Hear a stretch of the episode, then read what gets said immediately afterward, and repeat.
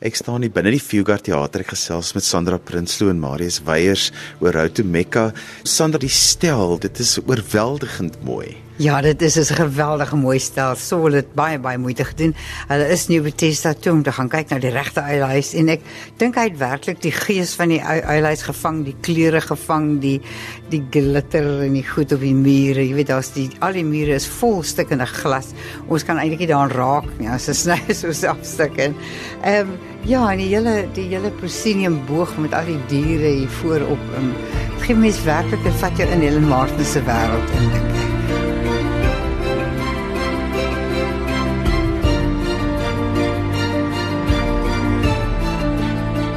Maar dit is 'n baie interessante stuk. Dan 'n bietjie vir ons van die stuk self, die storielyn. Net so liggies dat die luisteraars wat nie die storielyn so goed ken nie. Kom ons vat hom maar van Miss Helen af. Sandra moet eintlik praat oor Miss Helen. Nee, dit gaan oor Miss Helen, maar soos Ethel uh reg aan die begin al gesê, dis nie 'n dokumentêr oor Helen Martins nie, uh wat die beroemde nou Uilhuis in New Bethesda het. Maar hy gebruik haar uh, net as 'n uitgangspunt.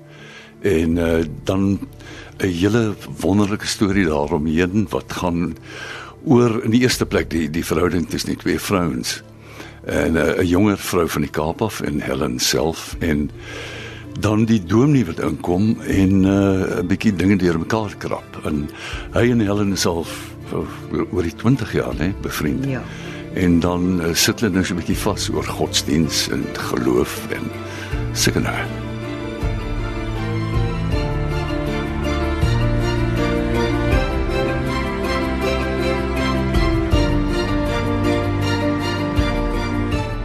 Sandra iets wat vir my in die stuk altyd opval as ek daarna kyk is die dorp is so teenwoordig in hierdie drie karakters en wat hulle dink maar ons sien hulle net nooit nie.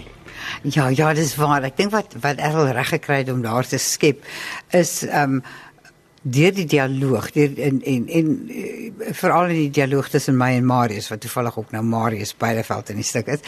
Ehm um, tussen Miss Helen en Marius is haar die gesprek waar sy voel sy sy sy word nie aanvaar nie, sy word verwerp en jy kry werklik ehm um, deur die dialogie gevoel van hulle vrees ehm um, vir vir die vreemde, vir die hulle noem haar 'n mal vrou en sy en hulle wil uiteraard haar net eintlik uit die dorp uit kry. En sy sy pas nie daar nie. Hulle voel nie gemaklik daarmee nie. Sy gaan nie meer kerk toe nie. Ehm um, hulle verstaan nie waar gaan haar werk nie. Hulle vind dit bedreigend hulle vind dit ewels, jy weet, ehm um, ja, so so ek dink ek het op 'n wonderlike manier vir ons hele gemeenskap geskep deur die dialoog. En soos jy sê, jy sien niemand nie want daar's ook klein Katrina wat wat uh amper voel of sy op die verhoog kan stap enige oomblik, maar mens sy daar is sy bestaan nie werklik in die stuk nie.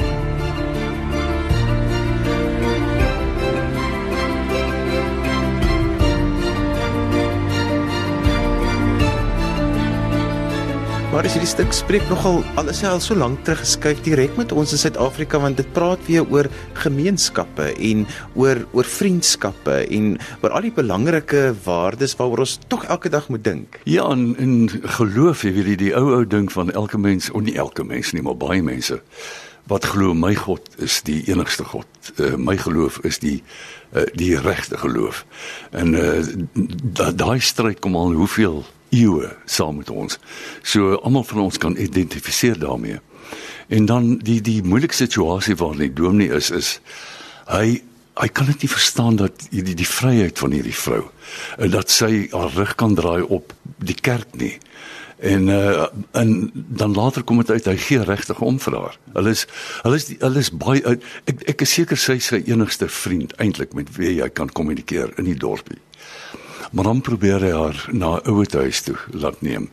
En hy glo vir die regte redes, maar wat vir haar natuurlik nie daarom gaan nie. Sandra wat ook interessant is van hoe die teks geskryf is dat mense verwag hulle gaan vir Miss Helen kom ontmoet, maar jy kan met hierdie stuk iets heeltemal anders maak met die teks. Jy kan eintlik die Miss Helen wees wat jy wil wees. Ja, dit is so. Alhoewel um, ek dink deur weer eens deur ehm um, Fugard se briljante dialoog skep hy vir baie duidelike riglyne. Ehm um, dis nie goed waarteen jy kan werk eintlik nie. Ehm um, maar my skep uiteraard, jy weet jou eie karakter en het, ek het nie probeer om 'n uh autentieke portret van die Helen Martins te skep nie want ek het haar nie geken en elk geval ek het baie navorsing gedoen baie gelees. Baie goed soos byvoorbeeld haar klein toentjies is afgesit omdat sy lid vreeslike liddorings gehad het wat haar um, uh, vreeslik um, pyn besorg het. En dat sy baie skaam was daarvoor en natuurlik haar stappe beïnvloed het. Dit sulke goed gebruik ek nou jy weet en ek het na foto's van haar gekyk en maar wat 'n mens tog eintlik probeer vasvang is die kern van die vrou die die siel die die wonderlike ding van Helen Martins wat 'n eie wêreld skep. Wat 'n wêreld skep waarin sy kan woon waarin sy kan vlieg waarin sy kan vry wees waarin sy ekstaties kan, kan raak en omdat sy nie in hierdie wêreld eintlik kan lewe die gewone alledaagse wêreld nie. Daar's te veel van 'n stryd daar vir haar tussen donker en lig die die alledaagse wêreld is vir haar 'n donker plek. En die wêreld wat sy skep wat sy haar mee kan noem is haar plek van lig Marius van die karakter wat jy speel is so bewus van hierdie vreemde simbole en dit neem ook die gehoor juis op daardie ek wil amper sê op 'n op 'n reis deur hierdie vreemde simbole maar dit is uile en dit is is eintlik 'n 'n verkenningstog. ja, vir die gehoor en vir die gemeenskap ook. en hulle uh, ek weet uh, uh, hy probeer maar hy verstaan dit net nie. Hy kan dit nie insien die sin daar nie. Hy sien dit as monsters in. Maar die die ding wat vir my belangrik is is dat uh, daar soveel aanklank onder die publiek op die oomblik. Uh jonk en oud, nê. Nee. Ons het nou die aand 'n skool gehad wat wonderlik gereageer het daarop. En uh en ja, die hy gaan deur diep waters ook. En die die die einde is my geweldig treurig oor 'n mens kan net dink wat se gebrek aan enige toekoms tussen die twee daar is na wat gebeur het vanaand. En vir die eerste keer sien hy haar werklik vir wie sy is en dis vir hom onverstaanbaar maar uh, dit dit uh, dit fascineer hom ook. En ek dink hy verstaan tog in 'n mate dat hy sal nooit saam met haar op hierdie reis kan gaan nie, maar dat sy is op 'n besondere reis en sy is 'n baie besondere mens.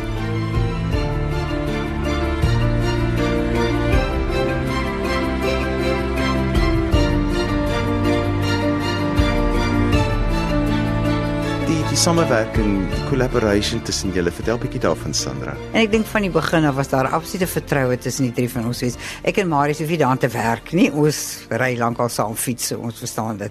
Ek bedoel metaforiese fiets natuurlik. En ehm um, um, Emily ek, Emily het al met Marius gewerk in the Father ook.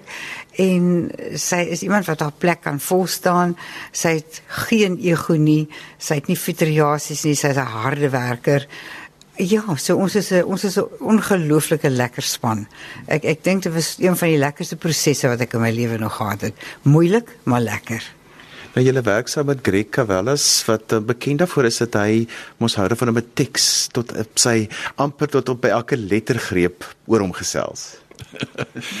ja, maar hy hy het 'n groot hart, ek bedoel. As hy uh, as hy uh, insien en ek en hy het gewerk aan die Vader en ons het onmiddellik 'n baie goeie werksverhouding geskep dat hy kon sien ek is nie in wat ure gaan praat en die derms uitreg nie. Ek werk baie instinktief. En hy het dit ingesien en my toegelaat om dit te doen. Maar ek het leiding nodig van hom. Ek wil hê hy moet met my praat oor die karakters, oor die stuk en en dan tussen met daai wisselwerking dan kom ons by interessante plekke uit. Ja. Ja, die gesprekke dink ek wat ons gevoer het, het met op tog op 'n ontdekkingsreis geneem wat wat verder as die teks ehm um, strek. Jy weet jy jy ontdek allerlei goed want diere gesprek wat ons gehad het, het ek gedink maar in die agtergrond is daar altyd die moontlikheid van 'n verhouding tussen Helen en en uh, Marius Beileveld. Maar dat sy aan die einde besef dat dis 'n pad wat sy alleen moes loop. En daarom is sy aan die einde van die pad ook heeltemal alleen. En sy moet haar eie goed uitsorteer. Sy moet haar vrese uitsorteer. Sy moet sy kan nie van iemand anders verwag om saam met haar daai pad te loop nie.